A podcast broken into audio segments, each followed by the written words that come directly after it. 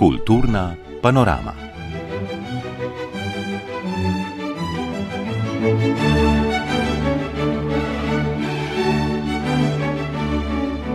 Drage poslušalke, dragi poslušalci, lep pozdrav. Kot otrok je videl fašistični požig Narodnega doma v Trstu, izkusil nacistično taborišče, ob Kocbekovi obsodbi povojnih pobojev pa se je zameril jugoslovanskemu komunističnemu režimu. Nekdo drug bi obupal, ko bi toliko krat kot on opozarjal na grozote totalitarnih režimov, socialne krivice in mlačno domoljubno zavest. Še v zadnjih letih življenja, ko je umiralo telo, je v njem tlela tista silna energija, ki jo je izžareval. Tako rekoč do zadnjega je videl potupanja za človeštvo. Bo človek cenil dobroto, da bo cenil ljubezen, bo lahko človeštvo našel neko drugo pot, ki ne bo kri, ki ne bo ocean krvi. S temi besedami Borisa Pahorja, ki je umrl v 109. letu starosti, začenjamo pregled izstopajočih dogodkov leta 2022 na področju kulture. Poslovi se je tudi Kajetan Gantar, ki je skupaj z borovodjem Mirkom Cudremanom prejemnik Prešenove nagrade za življensko delo v letu 2022. Dobili smo novo ministrico za kulturo Asto Orečko. Na samem začetku njenega mandata je izbruhnila afera ponaredkov v Narodnem muzeju in zlorabe v primeru Fotopap. Nobelovo nagrado za književnost je prejela francoska pisateljica Annie Erno. Nagrado Ingeborg Bachmann, ki velja za eno najpomembnejših literarnih nagrad v nemško govorečem svetu, pa je šla v roke slovenski pisateljici Ani Marvan. Pregledali bomo tudi, kateri so bili filmi, razstave, predstave in knjige leta, ki jih priporočamo v prihodnje. Prisluhnite, ko bomo odstirali svetle, pa tudi manj svetle plati leta 2022 na področju kulture.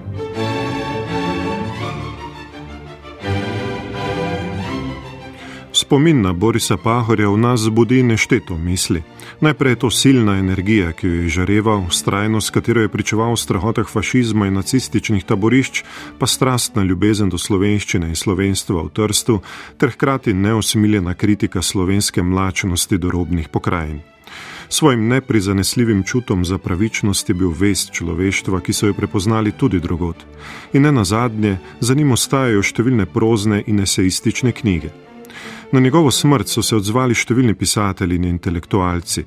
Mi pa smo izbrali besede Gregorja Pobežina, strokovnjaka za antiko in predstojnika Inštituta za kulturno zgodovino ZRC SAZU, ki je Pahorja poimenoval tribun. Tega izraza nisem uporabil lahko miselno.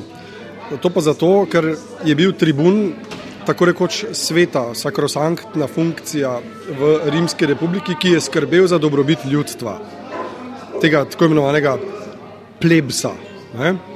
In ker je bil tako pomemben in ker je tako veliko tvegal, so ga tako rekoč ščitili bogovi. Ampak v najbolj vredolomnih časih niti to ni pomagalo in dva tribuna sta morala položiti svoje življenje na oltar republike.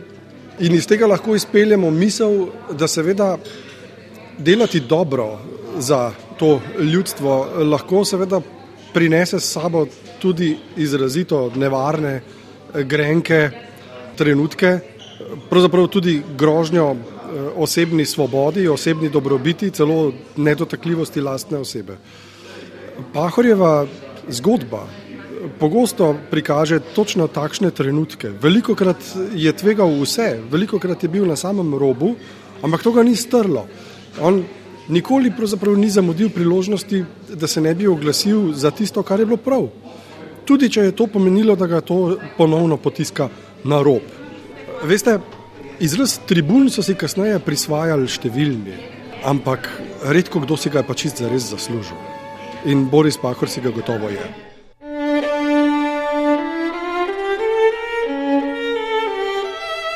Ko je februarja, le nekaj mesecev pred smrtjo, za svoje življenjsko delo prejel Prešenovo nagrado, smo v temeljitvi lahko prebrali. Klasični filolog in prevajalec akademik profesor dr. Kajetan Gantar se v slovensko kulturno zgodovino zapisuje z veličastnim prevajalskim opusom. Kot prevajalec sodi med naše najpomembnejše, ki si niso le požrtvovalno naložili posredniške in razlagalske naloge, temveč jim je bilo dano to nalogo upravljati z umetniškim čutom, s posluhom za slogovne razpone in odtenke izvirnih besedil, predvsem pa z neomajno jezikovno samozavestjo, z vero v izrazno moč slovenščine. Konec januarja je Kajtan Gantar med drugim povedal o prevajanju. Jaz prevod zmerom štejem tako, kot je zapisal že Quintilian, da mora biti dober prevod aimolatijo, emulacijo, sive certamen, to se pravi tekmovanje ali dvoboj, spopad z izvirnikom. In pri dvoboju lahko tudi zmagaš. To se pravi, da bi bil prevod lahko celo boljši, čeprav pravijo, da to ne more biti, oziroma da to pa ni več prevod. To sem občutil zlasti pozneje, ko sem recimo bil angažiran v tim, timsko delo mi nikdar ni ležalo. Timsko delo recimo za delanje ene enciklopedije, enega zbornika ali pa to, ampak timsko prevajanje pa ne. Veste, da bo en meni predpisoval recimo pri svetem pismu. Tam ne smeš tekmovati z izvirnikom, tam se ne smeš, ampak gre za to, a si res to.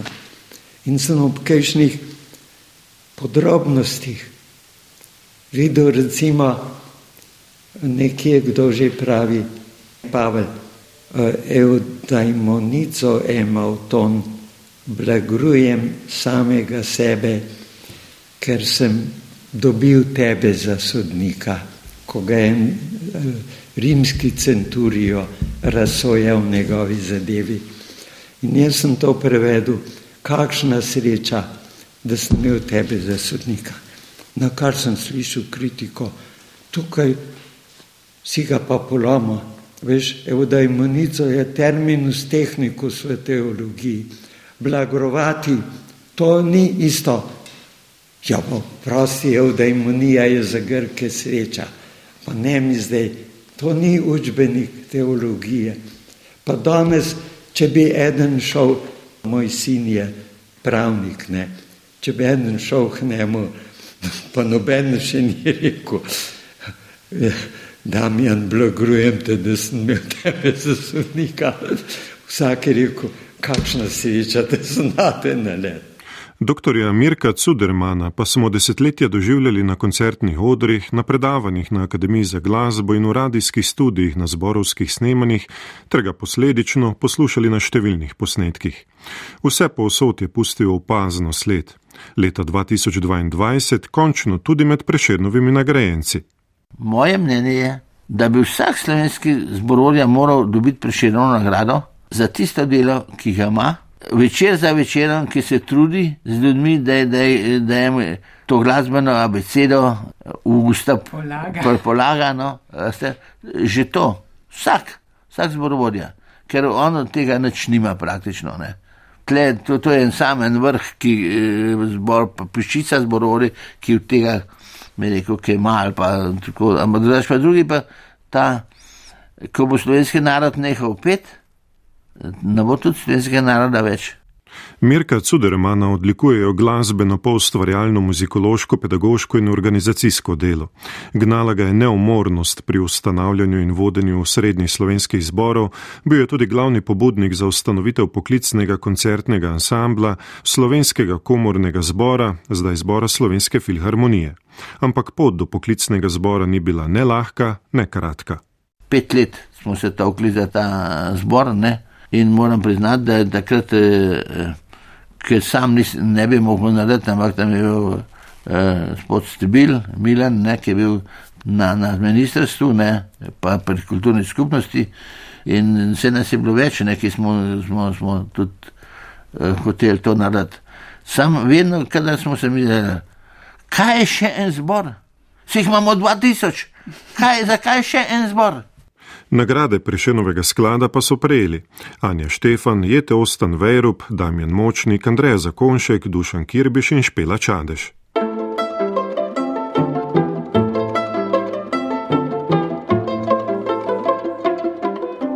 Nadaljujemo s kulturno politiko. Letošnje parlamentarne volitve so budno spremljali tudi umetnice in umetniki in ostali delavci v kulturi. Sklenil se je eden izmed najburnejših mandatov v slovenski kulturni politiki. Ni skrivnost, da z ministrovanjem Vaska Simonitija, kljub rekordnemu proračunu za kulturo, mnogi niso bili zadovoljni. Največ prahu je dvigovalo razdeljevanje sredstev, kadrovanje in odnos do resorja. Kljub razdrobljenosti kulturnega sektorja pa so bili ustvarjalci v pričakovanju do nove politike enotni.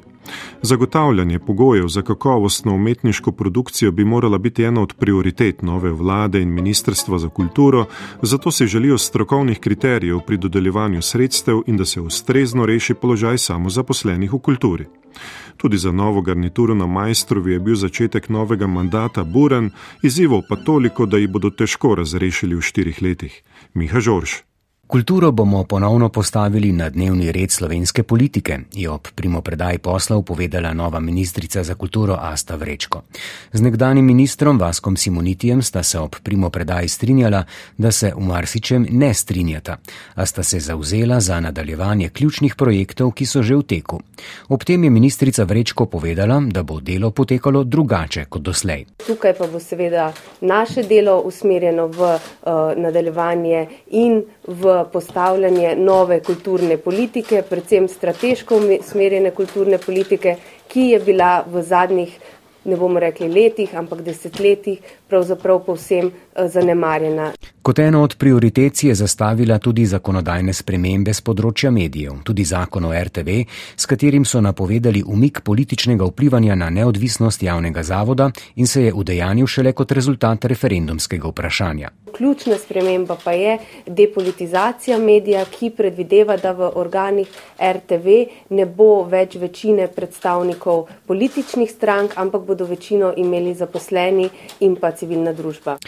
Nova ministrica je še dodala, da bodo kulturi zagotovili podporo, ki si jo zasluži. A že k malu, v začetku junija, se je na kulturnem področju odvil verjetno največji kulturni škandal v samostojni Sloveniji. Zakuhali so ga v Narodnem muzeju, kjer so pripravili razstavo popotovanja umetniška zbirka družine Bolkovac. Ob sicer rokohitersko hitro oglaševanje razstavi, ki naj bi vključevala preko 160 del največjih umetnikov 19. in 20. stoletja, med drugim Pabla Picasa, Onrija Matisa, Edgarja Degaja, Vincenta Van Gogha in kopico drugih velikanov svetovnega slikarstva, se je kmalo izkazalo, da gre za slabe ponaredke. Likovni izvedenec Aleksandr Basin. Nikoli nisem zasledil originala naštetih avtorjev, pojavljale so se variante, ampak vedno z privihom eventualne atribucije, ne pa kot originali. More biti je v Sloveniji kakšna grafika teh imen, ki so pa tu našteti, so pa stoprocentno dvomim, da se kje nahajajo. Direktor Narodnega muzeja Pavle Car je sprva zagotavljal, da je zbirko vse v redu. Vsako od teh del ima bodi se mednarodno ekspertizo ali pa provenienco, iz na katere aukcije je bila kupljena, iz katere zbirke izhaja, ki jo je lasnik dobil. Na Ministrstvu za kulturo pa so po pregledu dokumentacije ugotovili, da ta razstava ni bila umeščena v letni načrt muzeja in je bila pripravljena mimo ustaljenih postopkov. Asta Vrečko. V letnem načrtu programa Narodnega muzeja, ki je bil potrjen tukaj strani ministrstva, strani strokovnih eh, sodelavcev in sodelavk, pa te razstave ni bilo, bila je predlagana, ampak je bila zavrnjena. Pod razstavo je bil podpisan vodja numizmatičnega kabineta, kar je sila nenavadno. Po kratkem sprenevedanju je vendarle sledil odstop. Z namenom, da se ohrani ugled Narodnega muzeja Slovenije in njegovih odličnih strokovnjakov, z današnjim dnem nepreklicno stopam z položaja direktorja, s tem pa zastoj padel. Po krajšem poletnem zatišju je konec avgusta završala afera Fotopap. Več žensk je novomeškega kulturnika Dušana Smodaja obtožilo spolnega napada. Sprva so se anonimna pričevanja pojavila na spletu, kmalo je sledila tudi policijska preiskava, ki se je zaključila 12. oktobra s kazanskimi ovadbami. Gre za skupno 12 sumov kaznjivih dejanj, v okviru katerih so odkrili 9 oškodovancev in 3 osumljene osebe. To so že prej omenjeni Dušan Smodej, pokojni slikar Roman Uranjek, ki je ob izbruhu afere storil samomor, in dekle, ki naj bi izsiljevalo Smodeja. Zopr Smodeja so podali štiri ovadbe, dve v povezavi s spolno nedotakljivostjo, ter po eno v povezavi z omogočanjem uživanja prepovedanih drog in povzročitve hudih telesnih poškodb. Na ključu je hotelo, da se je istega dne, ko so bile podane kazanske ovadbe v aferi Fotopap, zgodil še odstop direktorja javne agencije za knjigo Dimitrija Rupla.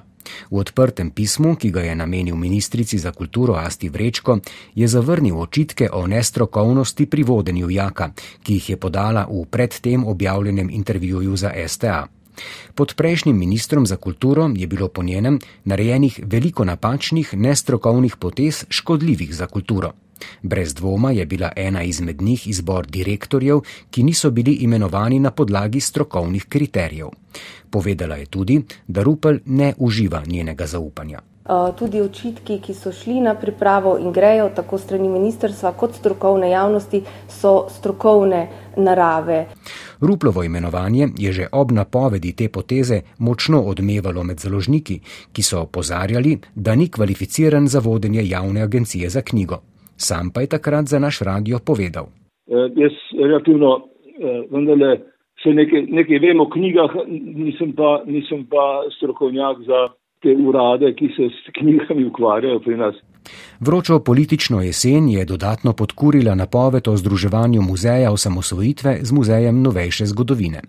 V Združenju za vrednote slovenske osamosvojitve so ministrstvo in vlado pozvali k novičnem premisleku. Lojze Peterle. V nasprotnem primeru bo naša organizacija uporabila vsa demokratična sredstva. Ne se čuditi, če bo kakšna demonstracija na to temo.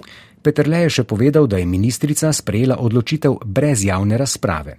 A spomnimo, že ob ustanovitvi muzeja je ta projekt problematiziralo več ustanov in skoraj 200 posameznikov v javnem pismu. Članice in člani oddelka za zgodovino na Ljubljanski filozofski fakulteti pa so takratnega ministra za kulturo Vaska Simonitija pozvali k odprtju javne razprave. A se to takrat ni zgodilo. Če ministrica za kulturo Asta Vrečko ne prekliče namena o združitvi muzeja osamosvojitve z muzejem novejše zgodovine, jo čaka interpelacija, so zagrozili v NSI. Poslanec Janez Žakl je ob tem prstu smeril v stranko Levica. V zadju je načrtna politika stranke Levica, ki si prizadeva pomen slovenske osamosvojitve in ustanovitve lastne države čim bolj zmanjšati, izničiti, lahko rečemo celo izmaličiti. A da ne bo vse tako črno, letošnje leto je zaznamovalo tudi nekaj pozitivnih zgodb. Ministrstvo za kulturo je nevladnim organizacijam, ki delujejo na Metelkovi žest, sporočilo, da bo ministrstvo končalo sodne postopke, ki jih je proti nevladnikom sprožila prejšnja vlada. Ob tem so poudarili, da nobene od organizacij ne bodo izselili. In še malo optimizma za konec. Ljubljanska drama bo obnovljena do 115. obletnice njenega odprtja, je sredi poletja zatrdil predsednik vlade Robert Golop. V politiki doskrat govorimo, da je kultura temelj slovenskega naroda. Ko pa se človek pogleda potem enega od simbolov te kulture, da pa malček zmrazi, ko ugotovi, da politiki včasih dosti govorijo, pa tega resnici ne mislijo. No, mi bomo naredili razliko in bomo ta simbol do njegove 115. obletnice spravili na tak nivo, kot si zasluži. In še, Ministrstvo za kulturo se je zavezalo k boljšemu dialogu s samozaposlenimi v kulturi. Na konkretne rezultate pa bo treba še malo počakati. Kulturna politika je vidneje zaznamovala tudi priprave na dogodek desetletja na področju kulture. Potem, ko smo od Španije prevzeli časno gostovanje na frankfurtskem knjižnem sejmu, ki bo v letu 2023, sta v javnosti še vedno negotovost in grenak pri oku zaradi posledic menjav na čelu javne agencije za knjigo. K projektu se je kot programska svetovalka sicer vrnila Amalija Maček, vendar so se v času, ko je vodil agencijo Dimitrij Rupel, zgodili tudi drugi odhodi, s katerimi se sooča nova vodja agencije Katja Strgar. Seveda, ob vsem tem bi bilo veliko lažje, če bi na agenciji še vedno delovala ekipa, ki je delovala še pod vodstvom Renate Zamida. Skratka, ja, koliko se pozna njihov odhod? Izjemno. Mislim, nepredcenljivo.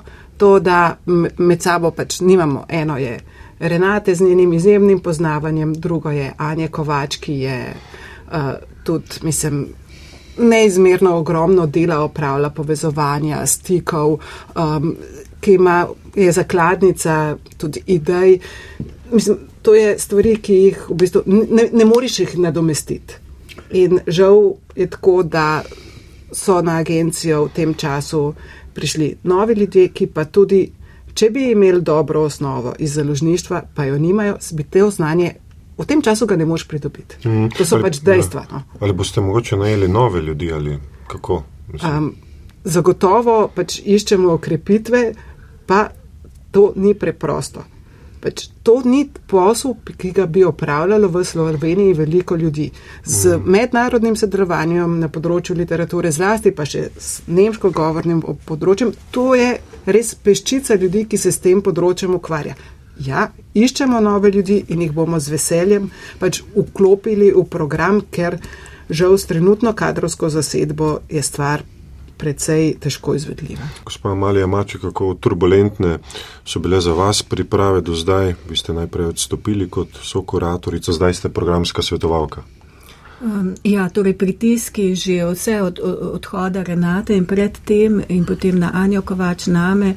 Eh, so bili izredni, eh, tudi osebno proti nam naperjeni, eh, rekla bi, da tudi nasplošno proti ženskam, tako da ne bi o tem zgubljala besed. Jaz sem ostala in sem ponovno zdaj tukaj samo zato, ker me je vodstvo Frankfurtskega sejma prosilo, da ostanem do konca in ker je meni osebno nerodno pred številnimi nemškimi partnerji in prijatelji, da bi se Slovenija osramotila ob tej enkratni priložnosti. Eh, hkrati eh, pač tudi Renata, po vsem, kar so naredili, je vedno ustrajala na tem, da želi projektu dobro in tudi, ko sem jaz vprašala, če se strinja s tem, da jaz nadaljujem, je to potrdila. Eh, in zato še ustrajam. In mislim, da smo sposobni in da nam bo uspelo narediti lep nastop, zato sem te predvsem, kot je Katja rekla, usmerjena v prihodnost in v to, da zdaj delamo in da delamo dobro. Eh, lahko povem mogoče dve optimistični stvari, ki jih je vodstvo Frankfurtskega sejma povedalo letos, torej da še nobena država uh, gostja v letu pred svojim gostovanjem ni imela tako bogatega programa, kot smo ga mi imeli letos. Tako oni vidijo te stvari in so se tudi udeležvali naših dogodkov, kar je tudi posebnega pomena. In drugo, tudi so zdaj le prejšnji teden, ko so bili tukaj rekli, da jih v bistvu za naš program ne skrbi in da zaupajo Kati, da zaupajo nam.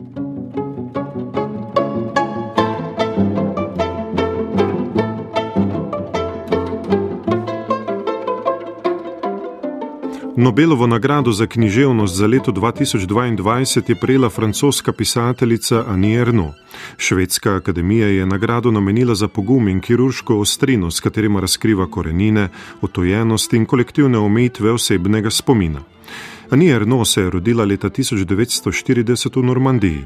Leta 1974 je šla njena prva knjiga z naslovom Očiščena, v kateri pripoveduje o izkušnji nezakonitega splava in o šolanju, ki je pomagalo, da se je prebila iz delavskega razreda. Leta 2008 je šel njen roman Leta, ki velja za vrhunski dosežek, tako po vsebini kot po inovativni formi, v kateri prepleta osebno in kolektivno zgodovino šestih desetletij. Za nje je prejela številne nagrade. To je tudi doslej edini roman Annie Erno v slovenskem prevodu. Euh, oui, le, le, livre Les années, c'est effectivement euh, sauver euh, tout, tout, euh, tout, tout, ce que, tout ce que nous avons traversé ensemble. Euh, Knjiga Leta skuša rešiti vse, kar smo v francoski družbi preživeli skupaj od druge svetovne vojne naprej. Hkrati sem po svoje skušala rešiti tudi svoje lasno življenje. Sej gre za leta, ki sem jih sama preživela. Pomembno pri tem besedilu je, da obojega nisem hotela ločevati, se pravi svojega življenja in dogodkov ter sprememb v družbi. Spremembe v 50. in 60. letih pa so bile res velike, še posebej za ženske. Gre torej za to, da res rešim, kar se je dogajalo. Tudi nepomembne stvari, reklame, šansone, predstave tistega, kar sem slišala, pa so hkrati skupne in osebne. Jaz sama imam zelo dober občutek za minljivo plat stvari, zato da se zavedam, da imam eno samo življenje, zato hočem tudi razumeti, razumeti stvari in jih opisovati. Zelo sem ambiciozna, zelo ambiciozna v svojem pisanju. Želim biti priča resničnosti, hkrati pa skušam pokazati drugačen pogled na njo. Na področju knjige v letu 2022 izstopa tudi to, da je slovenska pisateljica Ana Marvan na 46 dnevih literature v nemškem jeziku v celovcu prejela nagrado Ingeborg Bachmann, eno najpomembnejših literarnih nagrad v nemško govorečem svetu. Mednarodno žirijo je prepričala s takrat še neobjavljenim besedilom z naslovom Veksel Krote oziroma Krota. Več o nagradi in nagrajenki pa Gregor Podlogar. Avstrijsko-slovenska pisateljica srednje generacije Ana Marvan je do zdaj objavila roman v nemščini in roman v slovenščini z naslovom Zabubljena, za katerega je letos dobila nagrado Kritiško sito. V celovcu se je predstavila na povabilo avstrijskega literarnega kritika Klausa Kastbergerja, ki je bil tudi član sedemčlanske mednarodne žirije nagrade Ingeborg Bachmann, za katero se je potegovalo 14 avtorjev. Kandidati so se tudi letos predstavili pred žirijo in občinstvom z branjem iz odlomkov iz svojih še neobjavljenih del. Izvirna besedila pa so morala biti v nemščini. Mesto celovec nagrado v spomin na pisateljico Ingeborg Bachmann, naslednje leto bo minilo natanko 50 let od njene smrti, podeljuje od leta 1977. Velja za eno najpomembnejših literarnih nagrad v nemško govorečem svetu in je vredna 25 tisoč evrov. Leta 2011 je nagrado prijela koroška slovenka Maja Haderlap, letos pa Ana Marvan za besedilo z naslovom Krota ki je nedavno išlo v prevodu Amalije Maček pri založbi Beletrina. Avtorica je po prejemu nagrade letos junija povedala. Sem zelo vesela in res nisem pričakovala, ker sem napisala pravzaprav tih tekst in nisem računala s tolikšnim odmevom. Ana Marvan že več let živi in ustvarja v Avstriji, nedavno je prevzela mesto odgovorne urednice ugledne literarne revije Literatur und Kritik. Živi in piše v dveh jezikih, in kakšen je njen odnos do dvojezičnosti? Ja, večjezičnost se mi zdi vedno nekaj, kar zelo bogati notranji svet. Še posebej, če verjamemo, da nam je zunanji svet vedno posredovan skozi jezik.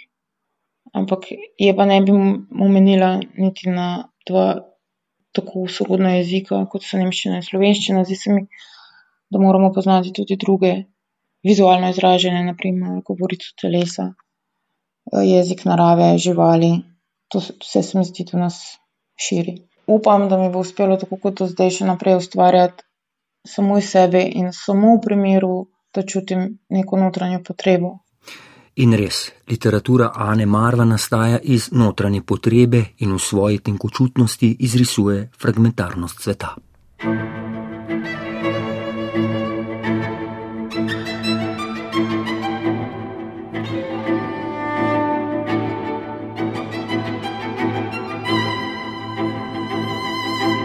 Pregled dogajanja na kulturnem področju nadaljujemo sedmo umetnostjo. Kateri so bili najbolj gledani filmi leta, tako na svetovni ravni kot na naših platnih? Kateri so dobili prestižne filmske nagrade in katera zaveza, kateri so večkrat pozivali tako slovenski filmari kot izvoljeni predstavniki ljudstva, bo kot kaže, tudi letos ostala neizpolnjena. Pregled filmskega leta je pripravil Urban Tarman. Potem, ko so se kinodvorane v zadnjih dveh letih izmenično zapirale in odpirale in smo po sili razmer opažali znaten osip obiskovalcev, se je film vrnil tako v kino kot na festivale. Čeprav je pri nas obseg manjši kot v najboljših letih na prehodu v novo tisočletje, kino ostaja pomemben del množične kulture. Preden omenimo nekaj najopaznejših in najbolj nagrajevanih filmov leta 2022, poglejmo, kaj nam pove obisk kinematografov. Če pogledamo v svetovnem merilu, leto znova vodijo nadaljevanja. Čeprav ne ponuja ne slogovnih, ne vsebinskih, brez dvoma pa hitrostne preseške je kralj kinodvoran Tom Cruise z nadaljevanjem filma Top Gun s podnaslovom Maverick. K uspehu je prispeval v svojem slogu. V Kan se je po častno zlato palmo odpeljal s helikopterjem, ki ga je pilotiral kar sam. Film Top Gun Maverick si je v naših kinih ogledalo več kot 150 tisoč gledalcev, medtem ko je po svetu zaslužil milijardo dolarjev in pol. Med svetovne kino uspešnice sodita še nadaljevani animirane družinske serije Minioni in Jurskega parka, pa tudi znanstveno-fantastični film Vse posod naenkrat. Čeprav leta še ni konec, se lahko kar nekaj slovenskih filmov pohvali z zlatimi rolami. To nagrado namreč dobijo ustvarjalci vsakič, ko si film v kinodvoranah ogleda več kot 25 tisoč gledalcev. In če vemo, da je Prhostar najbolj gledani po osamosvojitveni film, ne preseneča, da je podobno pot pod noge vzel njegov drugi del, Prhostar 2 promila. Doslej je prejel štiri zlate role. Prvi slovenski božični film Kapa eno, drugi del mladinskega filma Gaj in svet pa letos dve. Festival slovenskega filma Portorož tradicionalno ponuja prerez najnovejše filmske produkcije. Vesno za najboljši film so namenili orkestru, režiserja in scenarista Mateuža Luzarja, saj pod suvereno dirigentsko paličico zaigra resno glasbo o malih ljudeh, je utemeljila mednarodna žirija, medtem ko so Badjurovo nagrado za življensko delo v Portorožu izročili slovenski filmski in gledališki divi Mileni Zupančič. Kdor hoče videti najboljše in najbolj nagrajevane filme, naenkrat in na enem mestu jih novembra najde na festivalu festivalov, na Ljubljanskem Lifu. Njegova posebnost je sekcija perspektive, v kateri nagrajujejo celovečerne prvence in letos so vodomca namenili izjemnemu prvencu o izjemno zahtevni temi, samomoru bližnje osebe, s katerim se je nekaj let po tragičnem dogodku ustvarjalno s filmom spopadal hrvaški režiser Juraj Lerotič. Pri filmu Varen kraj so sodelovali slovenski filmari, posebno izrazit je prispevek direktorja fotografije Marka Brdarja. Kljub nekaterim črnogledim napovedim so kinematografi in festivali preživeli sulovit udarec koronske krize, tudi kriza se nadaljuje na drugačnem terenu. Čeprav mediji vsak dan govorijo o energetski krizi in draginji, se redkeje vprašamo, kako se kažeta na kulturnem področju. Stroški obratovanja kinodvoran in produkcijski stroški, povezani z organizacijo snemanj, so prav tako narasli. Prejšnja leta smo bili večkrat upravičeno kritični do prejšnje vlade, ki je nekaj časa celo blokirala financiranje filma, potem pa presenetljivo obrnila ploščo in povečala javno finančno podporo. Vendar si tudi sedanja vlada, kar zadeva filmsko politiko, zasluži utemljeno kritiko. Koalicijska stranka, ki je v prejšnjih letih iz opozicije napovedovala in s parlamentarnimi odbori za kulturo pristojno ministrstvo zavezovala k dvigu javnofinančnih sredstev za film na 11 milijonov evrov do leta 2022, je, potem ko je prav letos prevzela vodenje kulturnega ministrstva na to zavezo, čeprav ima škarje in platno zdaj v svojih rokah, pozabila. Čeprav bo državni proračun v naslednjem letu rekorden, na filmskem področju še ne bo tak. Da bi si filmari to zaslužili, je opozorila Urška Džukič, režiserka in soscenaristka kratkega animiranega filma Babičino seksualno življenje, ki je pred dnevi prejel Evropskega Oskarja, Evropsko filmsko nagrado za najboljši kratki film, skupaj s švedskim režiserjem Rubnom Estlundom, kanskim zmagovalcem, ki je za trikotnik žalosti ob tej priložnosti prejel nagrado za najboljši evropski celovečerni film. Na nezadostno financiranje je v parlamentu leta 2018 opozorila tudi letošnja nagrajenka Prešernovega sklada, režiserka ter avtorica animiranih filmov Špela Čadež. Moje ime je Špela Čadež, jaz sem režiserka kratkih animiranih filmov, kot vemo, dolgih nimamo. Sklep je na dlani, če slovenski državi gospodarskega pomena filma in ustvarjalnega potencijala njegovih ustvarjalcev še vedno ne uspe dovolj prepoznati, lahko to storimo mi, gledalci in gledalke, in prizadevanje filmarjev podpremo na najboljši način, z ogledom filma v prostoru, za katerega je bil ustvarjen, v kinu.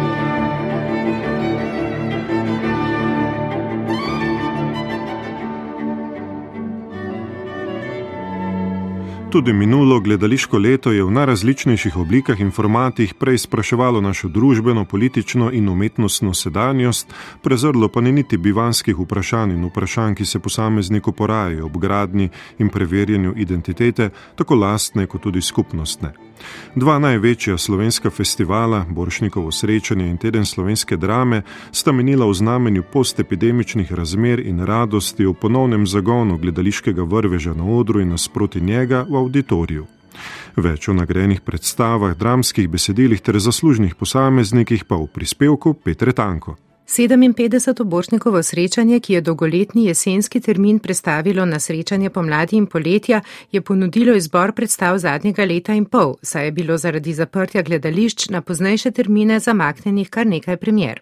Strokovna žirija je v širokem naboru predstav največje bogatstvo prepoznala pri igralskem potencialu in zapisala, da je zagotovo najmočnejši adut slovenskega gledališča ustvarjalna moč igralca, ki je bogata, raznolika in inspirativna.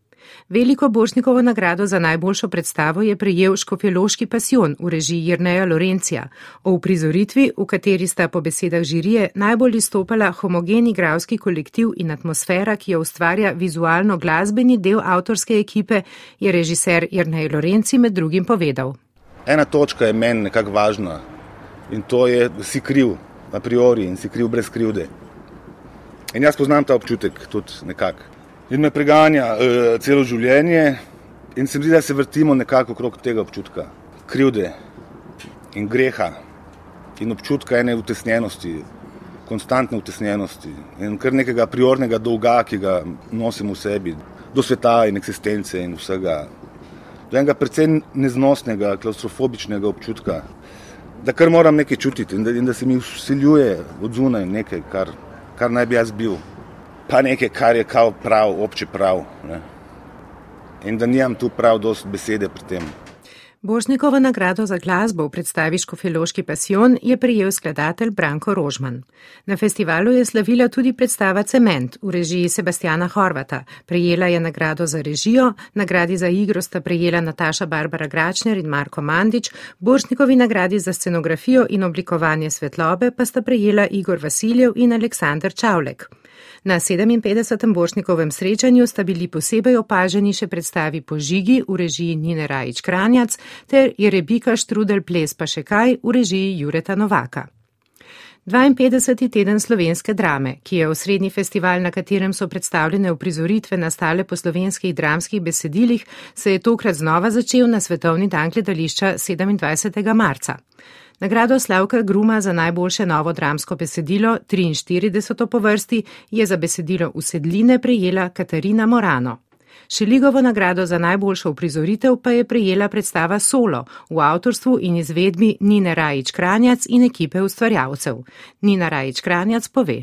Najprej sem hotela razpravljati v bistvu o poziciji teatra danes v družbi, kako ga vidimo danes, kako ga percipiramo in ali še ima sploh kakšno moč.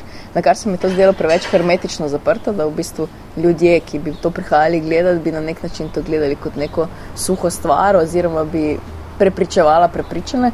In potem sem v bistvu z ekipo se odločila, da pozicijo režiserja objektiviziramo in mene kot subjekt postavimo uh, kot nek super jaz, ki se počasi mora rušiti, zato da pride do nekega uvida, zakaj družba sploh to mogoče rabi ali pa ne rabi. Se pravi, da ne govorimo o teatru kot o pojmu, ampak o teatru kot o osebi. Nagrado Vladimirja Kralja za življensko delo, ki jo v času tedna slovenske drame podeljuje Društvo gledaliških kritikov in teatrologov Slovenije, je letos prejela Alja Predan. Nagrajenka jo je sprejela s temi besedami. Pravzaprav sem zelo ponosna, da sem prva ženska, dobitnica te nagrade, ki nosi naslov po našem mogoče najuglednejšem teatrologu in gledališkem kritiku Vladimirju Kralju. Ampak eh, jaz sem vse življenje delala v gledališču in to na različnih delovnih mestih, in sem tudi gledališče spoznavala z različnih zornih kotov in ga še zmerom. Tako da najbrž je ta različnost mojih položajev v tej dolgoletni karieri bila tisto, kar je na nek način prepričalo žirijo, si predstavljam. Če smo prispevek začeli z ugotovitvijo strokovne žirije festivala Bošnikovo srečanje, da je zagotovo najmočnejši adut slovenskega gledališča ustvarjalna moč igravca, ga sklenimo z omembo predstave, ki je posebno izvedbo doživela na velikem modru slovenskega narodnega gledališča drama, svojo pot pa v priredbi nadaljuje v mali drami. To je predstava Mantič cirkus, v priredbi Mantič cirkus oblečen, ki vsebinsko in produkcijsko združuje institucionalno in zunajinstitucionalno gledališče Slovenijo Slovenijo in tujino, današnji dan in zgodovino. Odlomki iz 93 vlog, ki jih je igralec odigral v svoji poklicni igralski karieri, skozi nenehne transformacije in potujitve, znane replike dobivajo drugačno vsebino. Marko Mandič v nenehnem iskanju živega gledališča uprizarja univerzalni lik igralca in slavi umetnost igre.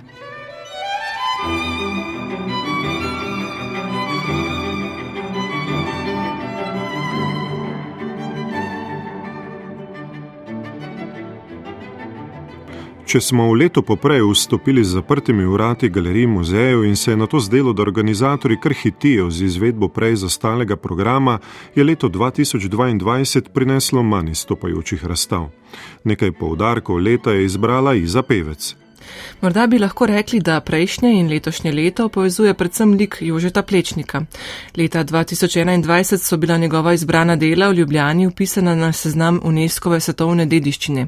Leto 2022 pa je slovenska vlada ob 150. obletnici arhitektovega rojstva razglasila za Plečnikovo. To seveda pomeni, da smo videli kar nekaj razstav in projektov, s katerimi so želeli na kanoniziranega avtorja pogledati drugače. Osrednja razstava Plečnikovega leta z naslovom Plečnik, metropola kraj vrt pa je v Mestnem muzeju Ljubljana osvetlila njegove inovativne ideje in tehnike ter razumevanje mesta.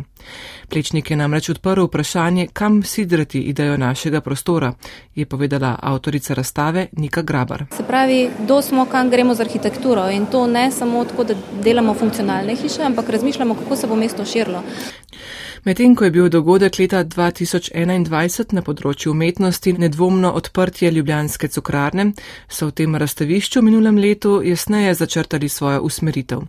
Še vedno je tam na ogled razstava Michelangela Pistoleta, vodilnega predstavnika gibanja Arte Povera.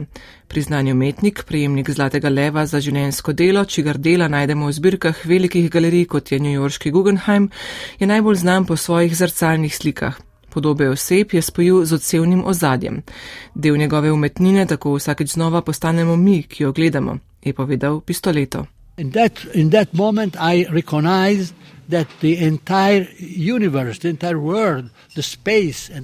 Takrat sem spoznal, da so del umetniškega dela tudi univerzum, prostor, čas in obiskovalec.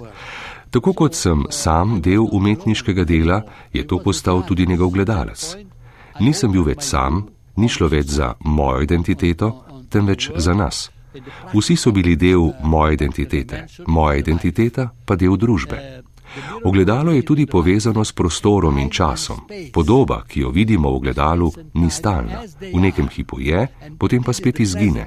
In to je sedanjost. Sedanjost se nenehno spreminja nikoli ni enaka.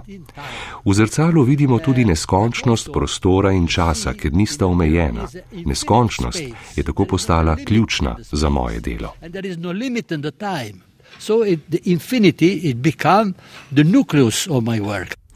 Že marca pa so v cukrarni odprli razstavo vračanje pogleda z deli skoraj 60 umetnic, ki v Sloveniji delujejo že vse od 90 let preteklega stoletja. Med njimi sta bili tudi Maretica Potrč, ki trenutno razstavlja v Piranski galeriji, ter Duba Sambolec, letošnja prejemnica Jakobičeve nagrade za življenjsko delo, ki je o svojem delu povedala.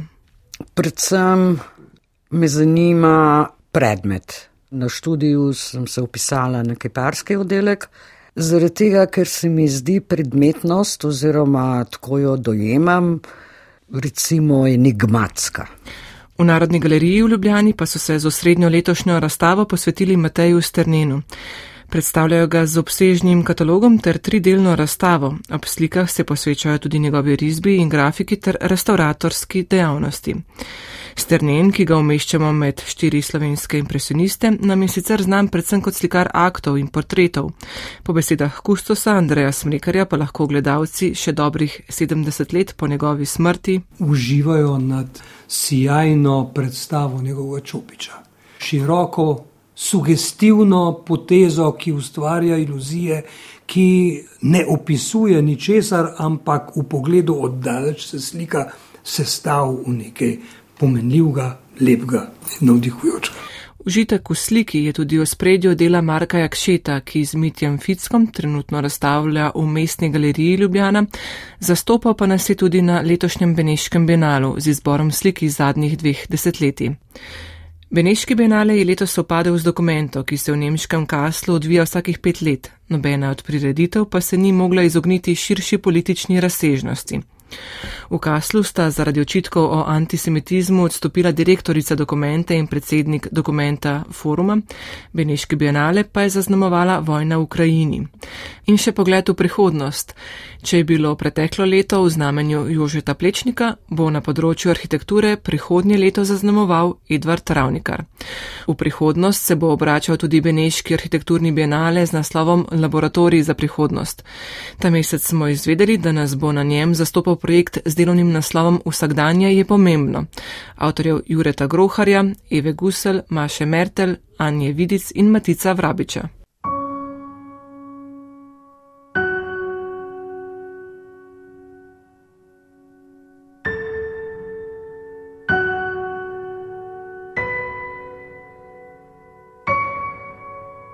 Nazaj k literarnim nagradam, ki jih je v Sloveniji kopica. Če izamemo prešenove nagrade, med literarnimi največ pozornosti pritegne Kresnik, delova nagrada za najboljši roman preteklega leta. Za romaneskno sago o družini Knap sto let slepote jo je prejel Roman Rozina, pisatelj, ki je bil že predtem dvakrat nominiran za njo. Dogajanje je postavljeno v premogovniško okolje in razpeto med začetek in konec 20. stoletja. Nagrajenca je v prasketanju tradicionalnega kresnega ognja ujel vlado Motnikar. Prizorišče, neka spremljava na zasojem je pač zanimivo iz dveh razlogov. Prvič, ker ga poznam, ker sem kot publicist se veliko ukvarjal z njegovo zgodovino in njegovo sedanjostjo. Zanimivo pa je tudi zaradi svoje silne ekspanzije, ki so jo prinesla premogova najdišča. Ne, tu je pač čas tekel zelo hitro, ne, veliko hitreje ampak vse to je ozadje, eh, to, kar me zanima, so človeške usode, vse te družbene silnice, ki so delovali v prejšnjem stoletju in kako se dotikajo posameznikov, kako vodijo njihova življenja, ne, kako niti takrat, niti danes nismo posem sami gospodari tega, naš vpliv na stvari okrog nas je omejen, lahko se izmikamo, lahko se umikamo, lahko se spopadamo s družbenimi pojavi, ampak ne moremo pa jih posem prezreti, ignorirati. Pripovedovalec je zelo blizu temu srednjemu liku, slepemu Matiji. Eh, Nalaž sem izbral slepo figuro zaradi tega, ker se mi zdi, da se slike v njega počasneje usedajo, jih pa zato temeljito razmisli, eh, razpolaga z manj informacijami kot videči in, in kar rodi morda včasih naivno filozofijo, ampak globoko življensko. Mislim, da je slep, ampak vendarle videc. V stotih letih se menjajo generacije štiri generacije ste že nekoliko čobirali v štirih vrstah, tam so bile ženske, tu je zdaj večja družina. Vsekakor gre pa širši panoramski pogled. Ne, skupnost je tista, ki, je, ki vleče. Ja, ja. V osnovi sem predstavljal uh, rodbino Knap, ampak na laž sem jih postavil v zelo različne položaje. Ne zgolj v, v položaje socialiste, ampak imamo tudi feministko, imamo tudi klerikalko, pogojno rečeno imamo podjetniškega povspetnika, spet v narekovajih rečeno. Tako da sem hotel soočiti te eh, različne svetove, te različne družbene silnice, ki so zaznamovale eh, prejšnjo stoletje sem pa nekako zožil ta prostor s tem, da sem jih potisnil v neko družinsko okolje. Preglejmo še druge literarne nagrade. Cankarjevo je prejela Simona Semenič za zbirko dramskih besedil Tri igre za punce. Veronikina je za četrto pesniško zbirko Selišča šla v roke Kristine Kočan. Jenkovo je za pesniško zbirko Prostor sred križišč prejela Nataša Velikonja. Rožančevo so za zbirko esejev o slovenski poeziji znamenja v kroženju podelili Urošev Zupanu. Nagrado Novo mesto za zbirko kratko proze je prejel pesnik in pisatelj Franci Novak za zbirko Obvoz, Arsova Lastovka, nagrado za najboljšo kratko zgodbo je šla v roke Vincenca Gotharda, nagrado za najboljši prvenec leta je prejel za pesniško zbirko Tregetanje Pino Pograjc na slovenskem knjižnem sejmu, ki se je iz Cankrevega doma preselil na gospodarsko razstavišče. Stritarjevo nagrado za literarno kritiko si je zaslužil Moani Sinanovič, za nagrado Mira je bila med slovenskimi ustvarjalkami izbrana Darinka Kozinc, Vilenica pa je šla v roke latvijski pesnici, pisateljici in prevajalki Amandija iz Porjete.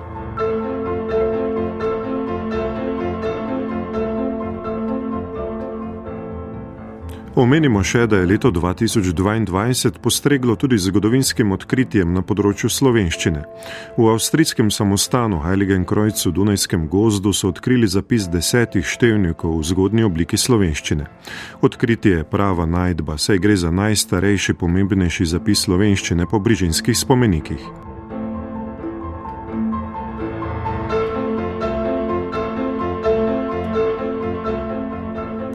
Ob koncu pa še pogled na leto 2023.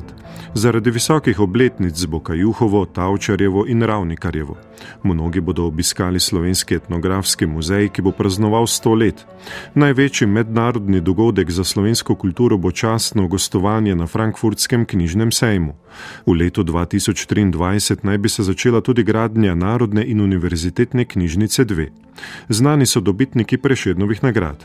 Prešednovi nagradi za življensko delo bosta prejela Ema Kugler in Herman Gvardjančič, nagrade prešednovega sklada pa Dušan Jelinčič, Drago Ivanuša, Aleksandr Gađijev, Nikolaj Ber, Matej Šluzar in arhitekturni atelje Med prostor. thank you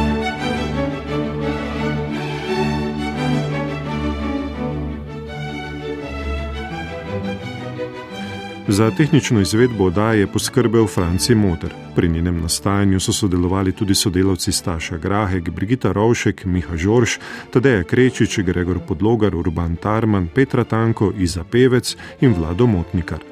Oddajo sem uredil in vodil Aleksandr Čobec. Srečno!